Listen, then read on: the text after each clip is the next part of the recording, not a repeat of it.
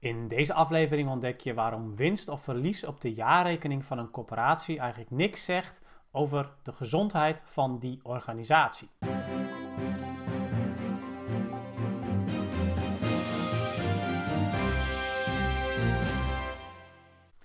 Ja, waarom maken corporaties winst of juist verlies? Uh, er is veel discussie over. Als er winst is, dan wordt er heel snel al geroepen dat corporaties niet sociaal zouden zijn. En als er verlies is, ja, dan kun je je natuurlijk afvragen waarom gaat die corporatie dan niet gewoon failliet? Um, kijk, elk jaar maken corporaties hun jaarrekening op. En onderaan de streep komt er dan ook een winst of een verlies uit.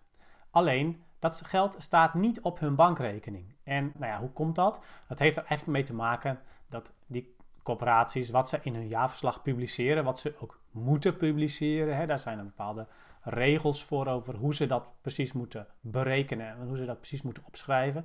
Nou, als ze dat netjes doen, dan is de winst of het verlies wat ze daar rapporteren, is eigenlijk niet de echte winst of het echte verlies wat ze gewoon op hun bankrekening voelen. Als je kijkt naar uh, hoe de winst of juist het verlies tot stand komt, dan is dat voor een heel groot gedeelte afhankelijk van de waarde van de woningen die ze in bezit hebben. En kijk, als een woning vorig jaar 100.000 euro waard is en hij is nu 110.000 euro waard, of hij is juist 90.000 euro waard, ja, dan moet de corporatie dat verschil, dus die 10.000 meer of minder, moeten ze meerekenen met de winst of het verlies. Alleen in de praktijk ja, voelen ze dat natuurlijk niet op hun bankrekening, want ze gaan die woning helemaal niet verkopen. Ze gaan die woning helemaal niet tegen markthuur verhuren. Nee, ze verhuren die woning tegen een over het algemeen veel lagere huurprijs in het sociale segment. En dus merken ze er niks van in verschil op hun bankrekening. Want ze krijgen gewoon nog steeds dezelfde huur binnen. Of die woning nou 100.000 euro waard is of 110.000 euro waard. Nou, wil je nou echt weten hoe gezond een coöperatie is? Kijk dan dus niet naar de winst- en verliesrekening in, de jaar, uh, in het jaaroverzicht, maar kijk naar de kaststroom. Kijk gewoon naar wat komt er nou feitelijk binnen aan huur en wat gaat er dan feitelijk uit aan bijvoorbeeld onderhoud en aan personeelslasten. Ja, dat moet wel structureel, moet dat wel een kleine plus hebben, want ja, anders dan is een coöperatie inderdaad niet zo gezond.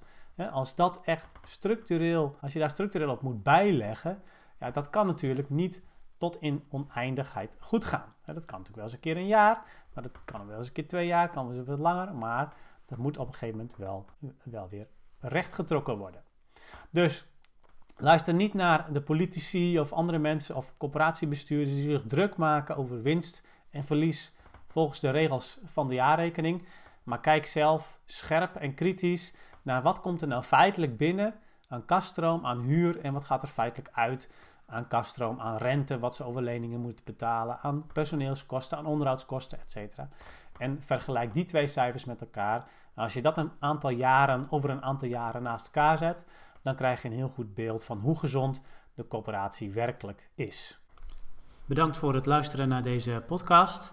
Wil je nieuwe afleveringen ontvangen? Abonneer je dan op deze podcast. En kijk ook eens op onze website corporatiestratege.nl voor meer praktische tips en downloads die jouw werk als coöperatiestratege makkelijker maken.